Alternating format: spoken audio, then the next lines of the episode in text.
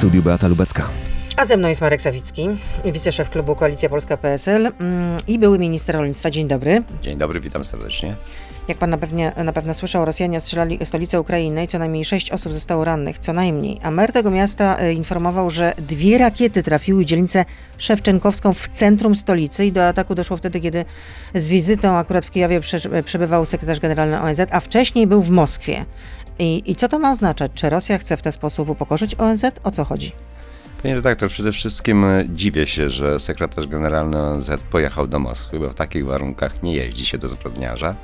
To jest raz. A dwa, mówiłem o tym ze dwa miesiące temu, jak się tylko zaczęła wojna. Rosja, jak rozpoczęła agresję na Ukrainę już w 2014 roku, powinna być wykluczona z ONZ, z Rady Bezpieczeństwa i ONZ musi podjąć takie kroki, bo inaczej Putin nadal czuje się pełnoprawnym obywatelem świata. A to jest w ogóle możliwe? Nie wiem, ale jeśli się nie podejmie prób, przecież można powiedzieć tak, niemożliwe było utworzenie w ogóle ONZ, a się utworzyło, więc powstało po to, żeby gwarantować bezpieczeństwo państwom członkom ONZ. Ukraina jest członkiem ONZ, Rosja jest jednym z pięciu państw Rady Bezpieczeństwa, stałym członkiem, więc stałym, trzeba, tak. trzeba sobie jasno powiedzieć, że skoro stały członek nie respektuje pierwszego artykułu o utworzeniu ONZ, to nie ma prawa w nim uczestniczyć i tyle, i powinna być z tego wykluczona. I nie powinien tam jeździć sekretarz generalny ONZ, tylko poinformować, że ONZ podejmuje kroki na rzecz wykluczenia Rosji ze swojego składu. A czy Putin może jednak sięgnąć po broń masowego rażenia? Bo coraz częściej o tym mówią i rosyjscy prominenci, także y, propagandyści Kremla. Czy to są takie tak, strachy na, laty, e, na lachy? To nie są żadne strachy na lachy. Putin nie ma żadnej kontroli, żadnego aparatu, ani politycznego, ani powiedzmy rządowego. On rządzi samodzielnie. On jest e, Jedyna tylko nadzieja w tym, że... Ale samodzielnie nie może podjąć takiej decyzji. A więc jedyna nadzieja tylko w tym, że ci, którzy będą nieśli tą teczkę i zatwierdzali kolejne elementy procedury, po prostu zwyczajnie mu jej nie doniosą. Ale ja w to nie wierzę, bo widać wyraźnie, że e, posłuch u oficerów e, Putin nadal ma i ja się obawiam, że może tego użyć i niektórzy mówią, no ale będzie to testował na Ukrainie. Nie, nie zdziwiłbym się, jak będzie testował to także w państwach NATO, bo dzisiaj według w Putina... Polsce? A dlaczego żeby nie?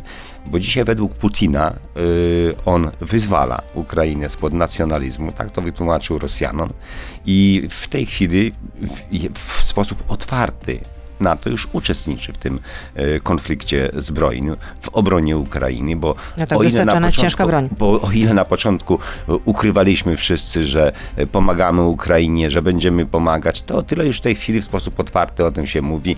Włączają się Niemcy, bardzo silnie włączają się Stany Zjednoczone. No, wczorajsza decyzja Bidena o przeznaczeniu 33 miliardów e, dolarów na pomoc Ukrainie, czy też e, zmiana przepisów, przywrócenie ustaw E, z okresu II wojny światowej w sprawie bezpośredniej pomocy dla e, państwa objętego wojną, no to to widać wyraźnie, że tutaj już Putin ma argumenty i jeśli po prostu zwyczajnie e, jego psychika wskaże mu, że trzeba to zrobić, to zrobi. Także musimy być na to gotowi i, i, i, musi być także cały Zachód i cywilizowany świat przygotowany na silną odpowiedź. A co to znaczy silna odpowiedź? Silna odpowiedź, to niestety w wojnie jest to samo, a więc y, czas najwyższy również. Y, Czyli odwet? Oczywiście, że tak. Nie ma, nie ma innej możliwości w retoryce wojennej i w systemie wojennym, bo ciągle dostawanie po głowie i cofanie się i cofanie się to tylko takiego agresora. Ale to byłaby trzecia wojna światowa. No, pani redaktor, no, ale ja przypomnę, Druga, druga wojna światowa zaczęła się od ustępstw wobec Hitlera. Yy, oddano mu Czechosłowację, oddano mu Sudety, no bo w imię pokoju, w imię spokoju. A potem szybciutko załatwił nie tylko Polskę, bo za chwilę i Francję i pozostałe państwa. Więc, więc jeśli, jeśli dzisiaj wydaje się nam, Europejczykom, yy, już nie znającym wojny w drugim pokoleniu, że w z takim człowiekiem jak Putin, czy, czy, czy, czy z takim reżimem jak Rosja e, postępuje się demokratycznie? Nie, po prostu zwyczajnie. Jak cię biją po twarzy, to trzeba oddać. No, aby to nie nastąpiło. Czy Waldemar Pawlak zostanie usunięty z stanowiska szefa Rady Naczelnej PSL-u? Jak pan zapewne, zapewne słyszał, tego do, do, o to dopominają się e, posłowie Solidarnej Polski. Wczoraj była taka konferencja, Janusz Kowalski, Jacek Ozdoba wystąpili na konferencji prasowej i nazwali nawet, porównali Waldemara Pawlaka do takiego, do polskiego, nazwali go takim polskim Gerhardem Schröderem. No i e, Jacek Ozdoba jeszcze cenił, że Pawlak przez wiele lat dążył do tego, by Polska była zależna od rosyjskiego gazu. Powiem szczerze, że uderz w stół, nożyce się odezwą, więc e, najbardziej prorosyjską partią w Polsce jest Solidarna Polska, bo jeśli Solidarna Polska mówi, że zawieźmy składkę płaconą do Unii Europejskiej, to mówi Ale PiS się na to nie zgadza. Jarosław Kaczyński się na to nie zgadza. No, ale pani redaktor, ale Solidarna Polska mówi, więc y, jeśli Janusz Kowalski wychodzi na konferencję i narzeka na kontrakt gazowy Waldemara Pawlaka, który był y, renegocjowany po kontrakcie gazowym, jeszcze przypomnę, ministra Jasińskiego, to ja się pytam, kto renegocjował i zmienił ten No ale kontrakt? płaciliśmy jak ze zboże jednak. Pani Płaciliśmy jak redaktor, ze zboże. To było horrendalne, zaraz, zaraz, zaraz, zaraz, zaraz. To Zostało zmienił- to potwierdzone wyrokiem y, sądu arbitrażowego to w Sztokholmie. Zostało. To kto zmienił kontrakt w 2018 roku? I kto się podpisał? Jacek Sasin czy Janusz Kowalski? I zapłaciliśmy za gaz po tej zmianie kilka dobrych miliardów więcej. Dla Gazpromu? A pani redaktor, Ponad miliard y, to, proszę, złotych? to proszę zaprosić tutaj prezesa Orlenu i zapytać, ile więcej... Waldemar Pawlak. To proszę, proszę zaprosić tu prezesa Orlenu i zapytać, ile więcej w ciągu kilku najbliższych miesięcy zapłacił za ropę i gaz po uzyskaniu rzekomo tego e, miliarda 600 A, e, no dobrze. euro od e, Rosjan. Czyli rozumiem, że to są takie poboczne życzenia ze strony Solidarnej Polski, bo Waldemarowi Pawlakowi nie spadnie y, włos z głowy, rozumiem, jeśli chodzi o partyjnych kolegów, tak? Panie redaktor, jeszcze raz podkreślam, najbardziej prorosyjska partia w Polsce oskarża PSL o prorosyjskość. To jest hipokryzja. To jak pan mówi, że uderz w stół, a nożyce się odezwą, no to Jacek e, Ozdoba się odezwał też na, na Twitterze i napisał, no kiedy wyrzucicie właśnie polskiego Schroedera y, i dlaczego akceptujecie polityka, który odpowiada za uzależnienie od rosyjskiego gazu oraz chce likwidacji Baltic Pipe? Proszę o konkrety, a nie obrażanie innych. Rzeczywiście były takie wywiady To- to Jacek e, byłego to prezesa Jacek Ozdoba- który mówił, że no, Baltic Pipe jako inwestycja jest nieuzasadniona. Pani redaktor, proszę jeszcze raz odsłuchać całej tej rozmowy, bo Waldemar Pawlak przypomniał, że na Rurze Jamalskiej za jego czasu, kiedy był ministrem gospodarki, został zbudowany rewers odwrotny. I już w listopadzie ubiegłego roku my otrzymywaliśmy gaz z Niemiec poprzez ten rurociąg. A więc gdyby ten rurociąg był połączony w tej chwili z Baltic Pipe, to oczywiście możemy dostarczać gaz nie tylko do Polski, ale także do krajów nadbałtyckich, bo odnoga od Jamalu w stronę krajów nad- nadbałtyckich jest zbudowana. Więc y, trzeba wiedzieć, jak wygląda ta sieć, a nie tylko powtarzać frazesy, które y, jednostkowo odcięte od całości zmieniają i zniekształcają całkowicie obraz tamtej wypowiedzi. No, ale, dlatego, no, dlatego że... też, był też raport Najwyższej Izby Kontroli w 2018 roku upubliczniony, zresztą na wniosek rządu Prawa i Sprawiedliwości. No i ten raport był niekorzystny, jeśli chodzi o, o y, działania Waldemara Pawlaka. No, Pani redaktor, w kontraktach terminowych zarówno Polska, jak i Niemcy w ubiegłym roku za gaz płaciły o 100% więcej niż przed podwyżką. W kontaktach futures i spotach na giełdzie polski rząd, polski y, operator gazowy płacił za gaz 400-600% więcej. Więc też może niechby powiedzieli koledzy z Solidarnej Polski, ile więcej Polacy zapłacili. Ale to chce pan powiedzieć, że Waldemar Pawlak że- nie popełnił żadnych błędów, tak? Rozumiem. Pani w tej- w redaktor, tej materii. W tamtych warunkach nie. Natomiast zmieniają się warunki polityczne, zmienia się też ocena i trzeba dzisiaj sobie jasno powiedzieć, że y, dynamika na cenach i dostawach e, surowców energetycznych jest oczywiście bardzo wysoka. I chcę zapytać kolegów z Solidarnej Polski, to skoro tak źle jest z tymi dostawami gazu i z cenami za gaz y, z Rosji, to dlaczego zablokowali inwestycje w energię odnawialną? Dlaczego zablokowali inwestycje w wiatraki? Dlaczego nie powstało za ich czasów więcej biogazowni? Przecież my mamy tylko, pani redaktor, właśnie mieliśmy wczoraj, y, przedwczoraj Kongres Polska Wieś 21. Wszyscy byli ministrowie rolnictwa, byli uczestnikami, organizatorami tego kongresu I ponad podziałami politycznymi. które zorganizowałem, a ja jeszcze chciałam I chcę, zapytać... nie, i chcę, i chcę powiedzieć jedno zdanie, że gdyby w Polsce z produktów ubocznych i odpadowych, nie uprawianych na cele, cele spożywcze, ubocznych i odpadowych z rolnictwa, e, produkowano biogaz, to mielibyśmy go 8-10 miliardów metrów sześciennych, a więc tyle, ile e, jamalem importowaliśmy z Rosji. No a póki co to kilkanaście gmin w Polsce jest bez gazu, na przykład Łebę, no wiadomo miejscowość turystyczna nad Bałtykiem, no tam bez gazu są pensjonaty, też hotele, no i oczywiście przeciętni obywatele, no Także mieszkańcy na moim, przede na wszystkim. moim terenie cegłów, mrozy, to nie tylko No Łeba. właśnie, no bo na liście sankcyjnej, y, którą wyznaczył polski rząd, znalazła się rosyjska spółka. No Tak, i wczoraj w, w TVP spółka. Info wiceszef MSWiA Paweł Szefernaker mówił, że pracujemy nad rozwiązaniem, które pozwoli na jak najszybszy powrót gazu do gmin, które zostały go pozbawione. No i chodzi o to, że żeby rząd, y, żeby dostarczać gaz do tych gmin przez, ym, przez PGNiG między innymi, który miałby przejąć infrastrukturę. I znów pytałem o to dzisiaj wójta Stegłowa. I? pana Uchmana. Mówi, że w 2018 roku, bo kiedy jeszcze budowali e, te instalacje wewnętrzne e, zaopatrujące w butlowy e, LNG gaz dla swoich gmin, to jeszcze budujący inwestor wtedy nie był całkowicie rosyjski. W 2018 roku Rosjanie całkowicie przejęli tę spółkę. Gdzie był polski rząd? Jeśli budujemy od 7 lat Narodowy Holding Spożywczy, a w tym czasie A kto ponad nadzorował tę tę budowę w takim razie? Nie no, inwestorami była gmina, ale przepraszam bardzo, gmina nie jest w stanie sprawdzić, kto inwestuje, bo gmina chce dostarczyć swoim e, obywatelom ciepło, chce dostarczyć gaz. No i No to jest, to jest jej dobre zadanie. To jest, po prostu. I to jest, to jest normalna rzecz usługowa. No ale jeśli następowała zmiana właściciela, no to chyba Skarb Państwa e, powinien wiedzieć o tym, że Rosjanie w 100% kupują spółkę, która zainwestowała już na terenie kilku gmin. Więc można, mo, mogła to kupić państwowa spółka, mogła to kupić polska spółka Czyli gazowa, to, a nie czyli to Rosjanie. błąd y, y, rządu w takim razie, tak? Nie no, niech, niech rząd Że- także popatrzy na to, co robi i, i, i, i, co, i, i, i co nam proponuje, bo jeszcze raz powtarzam, w krajowej spółce, e, znaczy w tym krajowym holdingu spożywczym, który powstaje, no przecież ponad 500 firm przetwórstwa rolno-spożywczego zmieniło właściciela.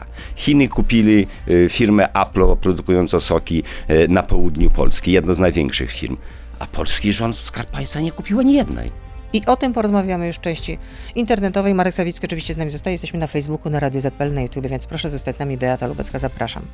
Ale zanim zapytam o ten właśnie, e, tę nową e, instytucję powołaną przez rząd Prawa i Sprawiedliwości jako wypełnienie też e, obietnicy z- e, wyborczej, przedwyborczej. to się miało nazywać e, holding spożywczy, teraz to się nazywa Polska Grupa Spożywcza. czy Krajowa Grupa Krajowa Spożywcza, bo Grupa ja już się pogubiłam, czy krajowa, a, a czy mia, państwowa. A miał być Narodowy Holding Kraj, Spożywczy. krajowa, krajowa y, grupa spożywcza. Ale jeszcze chciałam zapytać y, a propos tego gazu, no bo Putin przekręcił nam kurek, y, także na Litwie, także w Bułgarii. No jest alarm dla Europy. No, e, Europa jednak stoi przed poważnym kryzysem energetycznym. Co zrobić w takiej sytuacji? W poniedziałek będzie y, zjazd ministrów y, krajów członkowskich, ministrów, którzy odpowiadają za ten obszar energetyczny akurat w swoich państwach. Myślę, że z gazem sobie Europa poradzi. Oczywiście będą trudności w dostawie, ale ja ciągle podkreślam, że niezależność energetyczną trzeba budować także o własne źródła, własne zasoby. I dzisiaj czas najwyższy rozpocząć budowanie niezależnych obszarów energetycznych od wsi, od gminy, od No gospodarstwa. tak, już to trochę potrwa generalnie. Panie No. redaktor, ale to gdybyśmy nie zrobili tej siedmioletniej przerwy w inwestycjach w energię odnawialną, to Niemcy dzisiaj są takie dni, gdzie No, mają tej no, energii odnawialnej na poziomie akurat Jeśli chodzi o nasze 40% polet, w poletko, no to miksie. 1 października przecież rusza Baltic Pipe, tak? No my ciągle, Gazociąg, mówi, my, ciągle, my ciągle mówimy o surowcach, czy niezależnie, czy od Rosji, czy od Norwegii, czy od Arabii Saudyjskiej, zawsze będziemy kupować. A jeszcze raz podkreślam, dla powiatu, dla gminy można zrobić pełny pierścień energetyczny samowystarczalności, gdzie będą w gminie dwie biogazownie, cztery wiatraki i reszta fotowoltaiki. Biogazownie I to jest wystarczy, tak? i to wystarczy. Biogazownia jest naprawdę super elementem y, wypełniającym y, funkcję No to dlaczego tego magazynowania nie zrobiliście, energii. jak byliście, jak rządziliście? Dlatego, pani redaktor, że mamy ciągle spór o to, że nie mamy sieci energetycznych do przesyłania energii, że sieci energetyczne nie chcą wpuścić energii odnawialnej e, w swój obiekt, bo boją się, że im zablokują te sieci, że konkuruje ze sobą grupa wytwarzająca energię w biogazowni, wytwarzająca energię w wiatrakach, wytwarzająca w fotowoltaice, że trzeba ich zwyczajnie zebrać do gromady. To żeśmy także robili na tym kongresie 21. Z tego będą rekomendacje dla rządu, bo zaczniemy w końcu budować e, pilotażowo pierścienie samowystarczalności energetycznej, gdzie biogaz z biogazowni wcale nie musi być przerabiany na prąd i nie musimy szu- szukać odbiorcy tego ciepła skojarzonego, które powstaje przy wytwarzaniu prądu, tylko możemy go tłoczyć do małych tych lokalnych rurociągów, tak jak jest to dzisiaj w Cegłowie czy w Mrozach. Tam można postawić małą biogazownię i w tą sieć, w tą rurę wtłoczyć gaz, gdzie ludzie będą dalej korzystali z tego na takich samych zasadach, jak korzystają e, z gazu przywożonego samochodami w butlach. Jeszcze dopytam o Waldemar Pawlaka. Rozumiem, że nie straci swojego stanowiska e, szefa Rady Nadzorczej. e, Od tego jest. Rada Naczelna, panie redaktor, a nie ja jest, jestem jednym ze 120 członków, więc to Rada Naczelna A będzie jakby, decydować, jakby, a a nie ja. jakby był taki wniosek e, głosowany, to jakby pan zagłosował? Oczywiście, że nie, nie będę głosował za odwołaniem Waldemara Pawlaka, dlatego że Waldemar Pawlak ma zbyt duże osiągnięcia w polityce w porównaniu do tych dwóch panów, którzy prezentowali się i, i, i, i atakowali Waldemara Pawlaka. A prezes Glapiński pozostanie prezesem NBP na drugą kadencję, o czym sam chyba marzył. No. pani- no i pani zdaje redaktor, się, że, że nie ma redaktor, poparcia dla tego kandydata prezydenta Nie Dudy. Zresztą ta kandydatura została już zgłoszona w, styczniu. Nie wiem, czy na drugą kadencję, natomiast jeśli nie będzie wyborów w Sejmie, to oczywiście jego kadencja będzie kontynuowana i czy to będzie jeszcze rok, dwa, trzy, tego, tego nie wiemy, dokąd będzie rząd PiSu, dotąd Glapiński będzie Aha, czyli rozumiem, że jeśli nie będzie NBP. głosowania, to, to, to prezes. Glapiński nadal będzie sprawował Oczywiście, swoją nadal funkcję, będzie tak? sprawował swoją funkcję. Czyli więc- można użyć po prostu tego typu y, wyjścia z sytuacji, No, tak? Nie mają, nie mają większości. Solidarna Polska dalej stawia im warunki. Y, Janusz Kowalski chce zostać przecież ministrem, więc jeśli premier Mateusz Morawiecki... Ale rzeczywiście, to, i mógłby tak, przepraszam, rządzić y, w, w NBP Adam Glapiński przez kolejne 6 lat. No bo pamiętamy sytuację Ale z, są- z Rzecznikiem Praw Obywatelskich, że Adam takie- Bodnar też jeszcze rok dłużej sprawował swoją funkcję, bo nie, bo nie można było wyłonić jego następcy w Sejmie. Nie nie, no, sejmowa większość miała Może, może niedoskonałe prawo, ale prawo. Jeśli się nie dokona nowego wyboru w Sejmie, no to dalej, da, dalej swoją misję kontynuuje aktualny prezes. Czyli będzie po problemie. No to ciekawe. A może PiS Dlatego- liczy jednak na demobilizację dlatego, opozycji? Dlatego być może PiS y, nie stawia tego pod głosowanie, bo już kolejne posiedzenie Sejmu i wszyscy oczekują, że będzie nagle głosowanie w sprawie powołania prezesa, bo tak jak pani mówi, pan prezydent w styczniu zgłosił tę kandydaturę, a PiS y, jakoś dziwnie nie stawia jej do głosowania. No nawet Zbigniew Ziobro był pytany o to, bo to podobno jednak Solidarna Polska tutaj stoi Nie, okoniem. no, Zbigniew Ziobro publicznie bardzo Mówi, że tak, no ale czy poprze, to tak. tutaj już nie odpowiada na takie, na takie pytanie, więc y, rozumiem, tak że to bywa często, że ogon macha psem. Tak, tak, tak wygląda polityka no tutaj tak to wygląda właśnie. Wracając do tej krajowej grupy spożywczej, to jest moment histo- historyczny, jak wczoraj się chwalił wiceminister zdrowia, przepraszam, i wicepremier, czyli mm, Henryk Kowalczyk i, zacytuję pana wicepremiera, który mówił tak, że w dzisiejszych czasach, kiedy bardzo często mówi się o bezpieczeństwie żywności w związku z wojną na Ukrainie, powstanie tego podmiotu spowoduje, że będziemy się czuli znacznie bezpieczniej, jeżeli chodzi o żywność i że y, utworzenie tej krajowej grupy spożywczej, że ten nowy podmiot, jak to nazwał pan wicepremier, będzie pozwalać na jak to określił pan e, Kowalczyk, na godne sprzedawanie produktów rolnych przez rolników. No problem polega na tym, że w tym nowym podmiocie nie ma żadnych innych nowych podmiotów, których państwo już nie miało, bo Lewar to jest państwowa spółka. Jak interweniował na rynku, ile i za ile kupował od rolników, warto zaprosić tu prezesa i z, No to nim, jak interweniował? i z nim porozmawiać. W mojej ocenie większość swojej powierzchni wydzierżawiał prywatnym y, operatorom na rynku zboża i rzepaku, a... Czyli e, chciał, przepraszam, zarabiać na wynajmie? Słucham? Chciał zarabiać... e, Ale zawsze tak było. Aha. To jest wygodniej dla, dla, dla, dla, dla, szefów tej firmy. A czym się powinna zajmować taka spółka? No przecież powinna kupować zboże, powinna kupować rzepak, powinna Po godnych składować cenach, to tak? po godnych cenach. Za moich czasów y, była zasada, że jeśli cena giełdowa danego dnia wynosi tam x złotych, to oni płacą o 20 złotych więcej po to, żeby y, kształtować tę cenę nieco, nieco wyżej.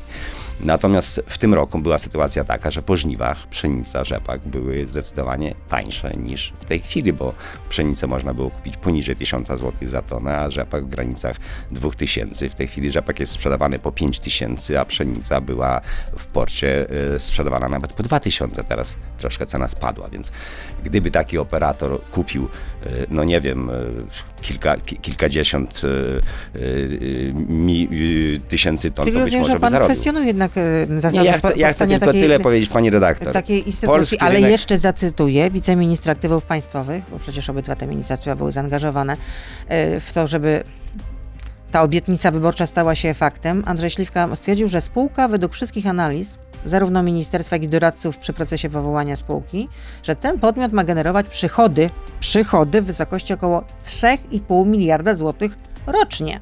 Rewelacja. Krajowa Spółka Cukrowa z podmiotami zależnymi generuje przychody w roku 2020-2021 powyżej 2,5 miliarda złotych. Spółki nasienne, e, a tam chyba 8 tych spółek wchodzi nasiennych i hodowlanych, także generują przychody No ale mieć roczne. kolejne 3,5 miliarda złotych rocznie. Przychody roczne powyżej miliarda, czyli nic nowego.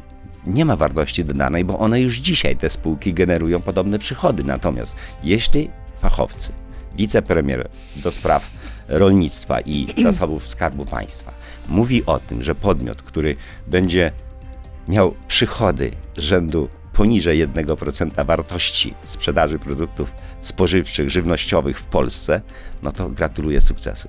To niech mi pani znajdzie ekonomistę, który powie, że podmiot na rynku, który ma udział poniżej 1%, będzie kształtował na tym rynku ceny. No. Gdyby miał 15, 20%, No, faktycznie poniżej 30, 1%, 30, no no to- to, tak, ale tu to mamy, ale, ale tu to mamy podmiot, który nadal, więc No to bo- po co w takim razie nam Krajowa Grupa Piękne, Spożywcza? piękne hasło od 7 lat zapowiadane. Wszyscy się śmieli, że to Krajowe Spółko Spożywcze jest jak z Yeti. Wszyscy słyszeli, nikt nie widział. No więc nagle zobaczymy. Tylko problem polega na tym, że efekty tego będziemy już oceniali po wyborach. Czyli znów mamy sytuację. Z obietnicy wyborczej wywiązaliśmy się, powstała Krajowa Grupa Spożywcza. Tylko jest jeszcze za mało czasu, żeby ale problem polega na tym, że tak? nikt nie sprawdzi, y, jakie będzie miała znaczenie dla rynku, a nie będzie miała znaczenia. Jeszcze raz podkreślam, troszkę na ekonomii się znam. Jeśli to jest poniżej 1%, a jest wartości sprzedaży artykułów żywnościowych rolnych na rynku, no to nie ma szansy, żeby ona kształtowała rynek. A jak Tym bardziej, że funkcjonujemy na otwartym rynku europejskim i światowym. To nie tu się kształtują ceny. A jak u pana w gospodarstwie? Panie redaktor, ja Opłaca się gospodarstwa jeszcze? nie mam. A, ja, pan- ja gospodarstwo przekazałem prawie 10 lat temu synowi. A, czyli pan już w ogóle w żaden sposób ja mam, ja nie mam jest oczywiście taką, rolnikiem? taką resztówkę czterohektarową i już nie zajmuję się. Zresztą całe swoje dorosłe życie, mimo że prowadziłem gospodarstwo, część to jest las, część to są takie ogrodowe, że tak powiem, e, na, na własne potrzeby. Ale 4 hektary to całkiem sporo. No tak, ale jak jest 3 hektary lasu, no to trudno ten las dzie- dziedziczony jeszcze po dziadku i pradziadku oddawać komuś. No na razie jeszcze jest. Przejmie go syn prawdopodobnie albo córka i tyle. Mhm. Czyli odda pan dzieciom po prostu. Oczywiście, że tak. Przecież to jest po to człowiek żyje, że jeśli w pokoleniach przejmuje po rodzicach, po dziadkach, to także również później zostawia to dzieciom i całe szczęście pomnożone, a nie, a nie zmniejszone. A czy w związku z sytuacją na Ukrainie, no jak wiadomo, to jest jeden z, z największych producentów e, zboża, e, czy grozi nam jakiś kryzys, jeśli chodzi o, o żywność?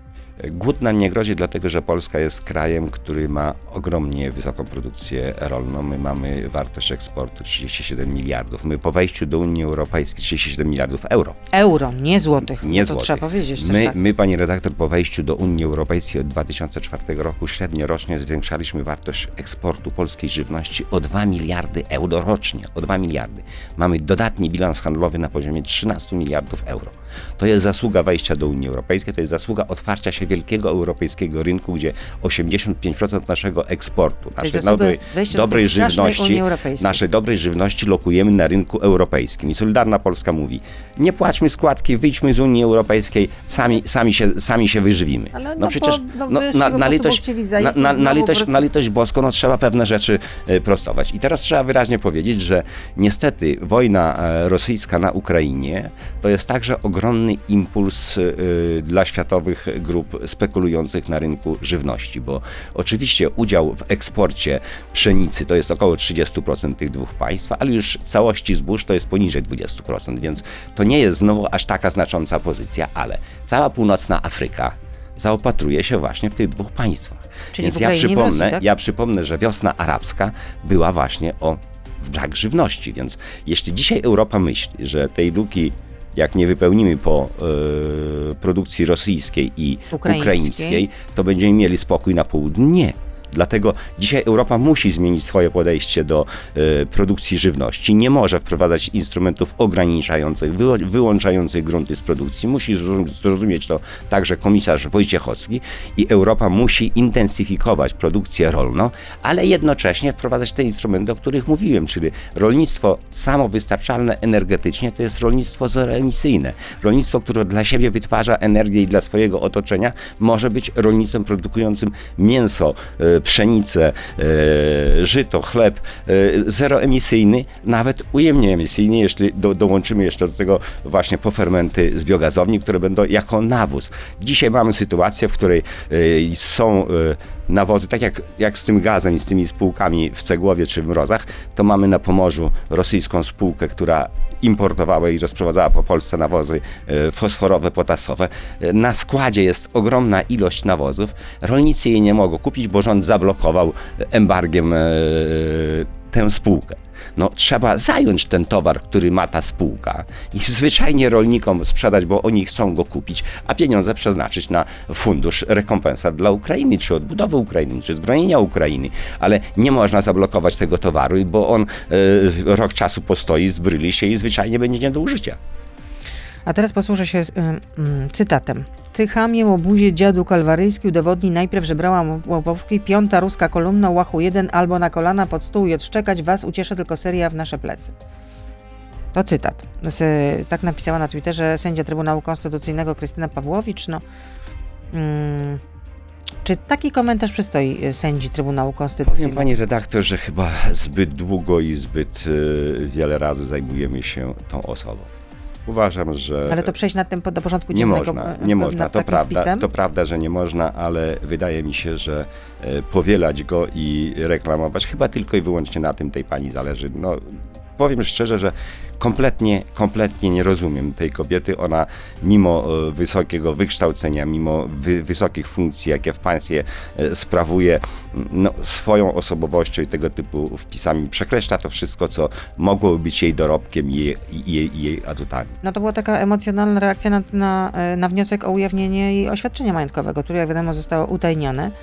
No i też y, była seria wi- wi- wyzwisk pod adresem wnioskodawcy, a tym, a ujawnienia domaga się Lewica, tym posłem wnioskodawcą.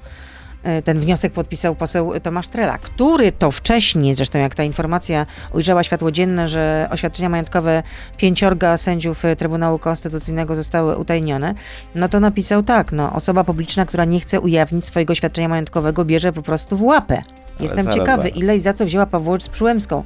No to, Pani- to pani było, redaktor, To, to było, było to Niezależnie od tego, od tego, czego domagają się posłowie lewicy, przecież tego domagali się posłowie i szefowie Prawa i Sprawiedliwości. No tak jest- jest- to prezes jest- Kaczyński, jest to prezes Kaczyński obniżył nam uposażenia wtedy, kiedy się upominali o jawność e, wypłat dla ministrów, to, to między innymi premier Mateusz Morawiecki mówił, że no przecież on ujawni majątek swojej żony, to przecież e, chociażby tego były minister żeby chociażby, chociażby, majątki, chociażby e, majątki były minister małżonków. zdrowia, no przecież nawet PiS taki, taką ustawę w Sejmie przyjęło. No tak, no, no, Trybunał Konstytucyjny się również wypowiedział na ten i, i, temat, I Trybunał Julii Przyłębskiej no, uznał, że to jest ustawa niekonstytucyjna. No i teraz Julia Przyłębska, ale także pani Pawłowicz hojnie korzystają z tego rozwiązania. No, na tym, się, że na jest tym polega ich luka w tej hipokryzja. ustawie, którą można wykorzystać właśnie po to, żeby utajnić takie oświadczenia majątkowe, bo oświadczenia majątkowe mogą utajniać sędziowie sędziu e, Sądu Najwyższego, czy też przede wszystkim sądów powszechnych, bo jeśli na przykład Oprócz taki sędzia y, orzeka w, w składzie, zasiada w składzie orzekającym i na przykład sprawa jest, mm, że oskarżonym jest jakiś gangster, przestępca, no to sędzia może się obawiać o swoje bezpieczeństwo, czy też o bezpieczeństwo swojej rodziny. Oprócz ustawy w polskiej kulturze, a mówimy o osobach rzekomo wysokiej kultury, pozostaje jeszcze coś takiego jak słowo droższe od pieniądza. I skoro słowem zobowiązało się PiS, że będzie ujawniać majątki swoich polityków, swoich funkcjonariuszy, to niech to robi. To nie jest polityk, Skoro- to jest sędzia. To był polityk. Przepraszam bardzo, to był bardzo czynny polityk. I teraz, Polityczka. i, teraz chcę, I teraz chcę wyraźnie podkreślić, że także prezes Kaczyński, także premier Morawiecki zobowiązali się do likwidacji Izby Dyscyplinarnej nie tu w Polsce, tam w Parlamencie Europejskim. Powiedzieli to publicznie. A publiczne zobowiązanie jest także prawnie obowiązujące. Pytanie, dlaczego tego nie wykonują? Bo dla nich słowo nic nie znaczy. Kasa, koledzy i wzajemny obrót. Wczoraj też Sejm decydował o uchyleniu immunitetów e, dwojgu po posłów. E, Chodzi o posłankę Joannę Schering-Wielgus z Lewicy. I chodzi też o posła Platformy Obywatelskiej Sławomira Nitrasa. Za chwilę powiem o co chodzi, ale czy pana zdaniem PSL rozumiem, że głosowała prze, przeciw, tak? Chyba Jak tak. pan zagłosował za tym, żeby Yy, uchylić wtedy, immunitety wtedy, posłom, czy wtedy, nie? kiedy to stawało yy, na poprzednim posiedzeniu Sejmu, głosowałem przeciw, natomiast yy, to posiedzenie Sejmu niestety ze względu na ten kongres byłem nieobecny. Nie było, nie tak. było pana, rozumiem. Ale czy pana zdaniem zasadne jest, żeby prokuratura zajmowała się akurat y, tym dwojgiem y, i akurat w takim kontekście, jeśli chodzi o tych posłów, bo wytłumaczę jeszcze, znaczy przypomnę naszym słuchaczom o co, i naszym internautom o co chodzi.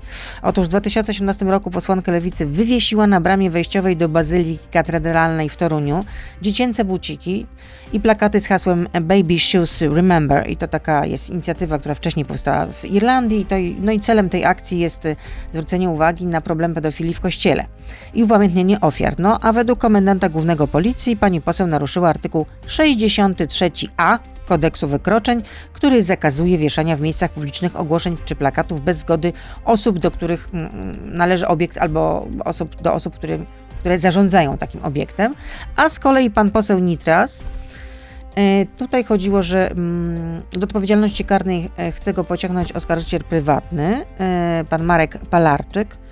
I o co chodziło? To jest były działacz Kukiz 15. e, mm, Poseł Nitras oskarżył go o chodzenie po Sejmie w, w koszulce no, z rasistowskimi napisami. I co napisał swego czasu na Twitterze poseł Koalicji Obywatelskiej? W Sejmie, swobodnie, po głównym holu paraduje człowiek w t-shircie.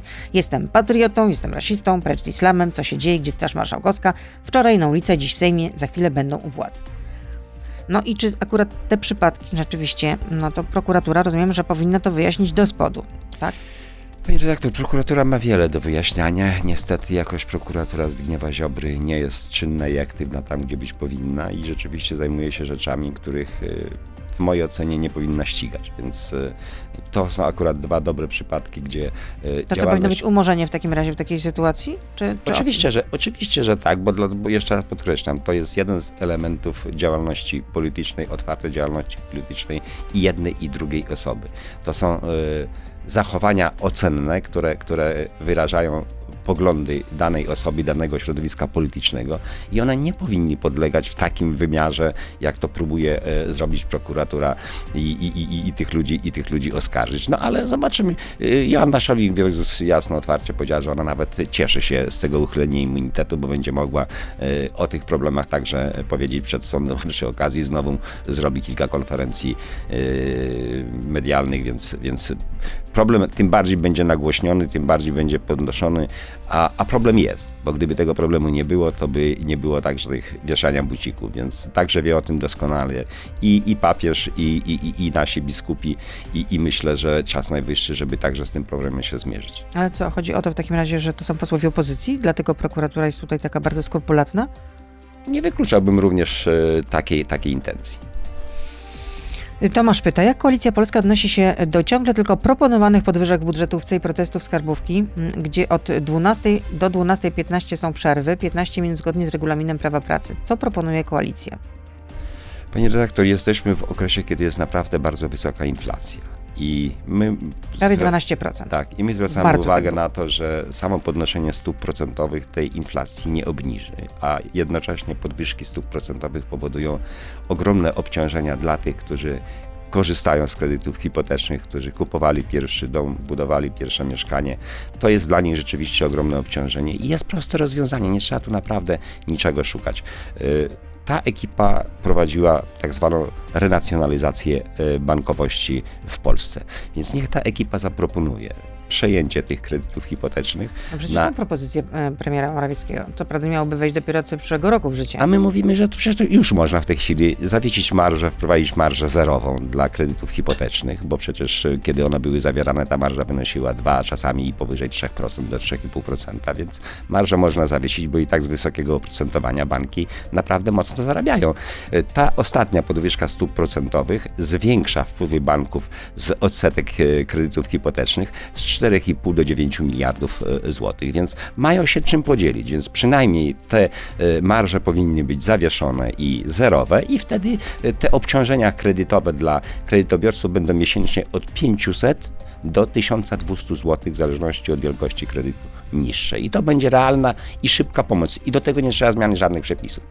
Proszę przypomnieć słuchaczom, dlaczego rząd PO-PSL z Pawlakiem jako wicepremierem do spraw gospodarki umorzył Gazpromowi ponad miliard złotych długów w 2010 roku.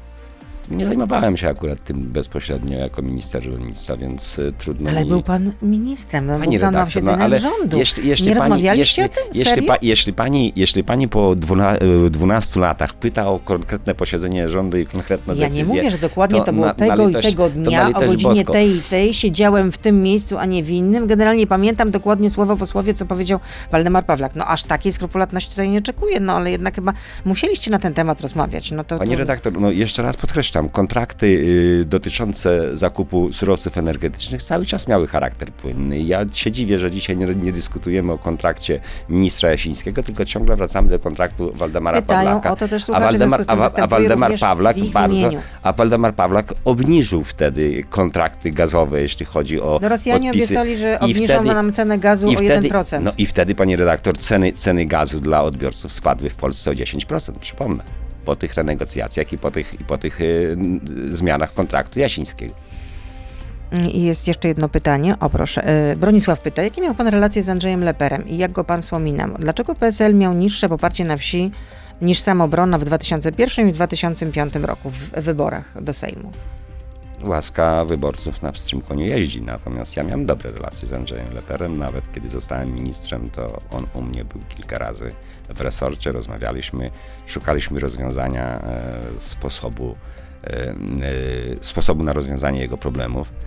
Niestety potem ta tragiczna śmierć i nie dało się tego zrealizować, ale osobiście Znamy się z nim, znaliśmy się z nim od początku lat 90. Pamiętam e, kiedyś, e, kiedy byłem na uroczystościach związanych z obchodami e, strajku w Bydgoszczy, to kiedy wracałem swoim samochodem, zabrałem go także do Warszawy. Mieliśmy wtedy ponad 3 godziny czasu również na takie rozmowy można powiedzieć, koleżeńskie, gdzie, mówię, relacje między mną a nim były zawsze poprawne. Proszę wymienić dwie rzeczy, po jednej na kadencję, Mówimy o dwóch ostatnich kadencjach, kiedy PSL jest y, w, w, opozycji, dzięki którym Polacy zapamiętają pana jako posła, który dba o, naszą, o dobro naszej ojczyzny i obywateli. No to bardzo ciekawe. To jest cały czas to, co próbuję realizować i robię to także z samorządami. To jest kwestia e, włączenia ponownie energii odnawialnej w nasze, że tak powiem, obiegi e, gospodarcze, bo ta energia odnawialna jest traktowana po macoszemu i wcale także zarządów po PSL nie było dużo lepiej, bo była konkurencja pomiędzy y, producentami energii z wiatru, producentami energii y, z y, fotowoltaiki. Biogaz nie był wtedy najlepiej traktowany, więc próbowałem wielokrotnie o tym rozmawiać i z premierem Tuskiem, i z premierem Pawlakiem. W Ministerstwie Gospodarki niestety... I co, nie słuchali dwu... pana? Niestety, nie słuchali pana. Panie redaktor, niestety od 20 lat w Ministerstwie Gospodarki dominuje środowisko, które bardzo silnie pilnuje gospodarki węglowej. Jeśli byśmy zrozumieli, e, że tak powiem, potrzebę przemian, a ta jest już co najmniej od 20 lat w zakresie wypełniania tej luki po y, odchodzeniu od węgla dużo wcześniej i biogazem, i wiatrem, i fotowoltaiką, to dzisiaj w Polsce moglibyśmy mieć już w miksie energetycznym no tak, 40% energii odnawialnej, tym, że, a nie, a nie że, 10. Że, że gdyby w to wyposażyć każdą gminę, to generalnie byłaby niezależna. Tak, tak Natomiast tak, tak, każdą, jedna rzecz... Każdą gminę i, i, i gminy w ciągu trzech lat możemy uczynić żeby samowystarczalnymi do łask, to jest to, to pan robi, tak? Również, żeby biogaz y, y, zaczął być brany pod uwagę. A druga rzecz? A druga rzecz to jest to, co ciągle e, wracam do tego, to jest kwestia e, trwałych e, gwarancji dochodowych dla rolnictwa, więc Fundusz Stabilizacji Dochodów Rolniczych, gdzie rolnicy, tak jak dzisiaj chociażby w kwestii promocji artykułów rolno-spożywczych, odprowadzają na fundusz jedną dziesiątą procenta wartości sprzedanych produktów. I z tego funduszu żywność jest promowana, dzięki temu między innymi weszliśmy tak szeroko na rynki europejskie i światowe z naszą żywnością, żeby również podobny fundusz współfinansowany ze środków budżetowych i składek rolników powstał. I w sytuacji, kiedy mamy takie wahnięcia rynkowe, kiedy ceny spadają o 20-30%, mam nadzieję, że powstanie, bo do tego projektu także coraz bardziej przekonują się obecni rządzący, więc y, ja go wnosiłem do Sejmu już trzy razy, mam nadzieję, że po czwartym się czyli uda. do trzech razy sztuka i się nie udało, może uda się za czwartym. No to jest jeszcze pytanie takie trochę pół żartem, pół serio ze strony Michała. Dlaczego członkowie PSL-u, ludowcy, mówią o swojej partii PSL? Nie, to nie jest prawda. To jest y, tylko i wyłącznie zgwarowe powiedzenie na y, południu Polskie. To jest po, Małopolska, ta właściwa i podkarpacka, natomiast, natomiast w całej Polsce nie mówimy PSL, tylko PSL. PSL, ale się przyjęło u mnie, tak. U mnie, u mnie, ale u mnie, tak się przyjęło, że niektórzy no. już też poszli tym tropem, mówią tak, PSL. Tak, tak, tak no. PSL. Dobrze, dziękuję. Marek Sawicki, wiceszef klubu Koalicja Polska PSL był z nami i były minister rolnictwa o czym można się było przekonać też między innymi, kiedy rozmawialiśmy o tym, że powstaje krajowa, właściwie już została utworzona Krajowa Grupa Spożywcza. To miał być Narodowy Holding Spożywczy, teraz to się nazywa Krajowa Grupa Spożywcza. Według pana posła jest to bez sensu. Nie, to nie jest bezsens, tylko jeszcze raz chcę wyraźnie podkreślić, że nie jest to podmiot, który będzie kształtował ceny i który cokolwiek pomoże rolnikom, bo no to udział po w powstał? rynku... To po co powstał? No po to powstał, żeby koledzy wicepremiera Sasina zmienili dzisiaj kolegów pana Kowalczyka, no, czy, czy wcześniej pana Jurgiela. Dobrego dnia życzę. Wzajemnie. To był gość Radia Z. Słuchaj codziennie w Radio Z i na player radioz.pl.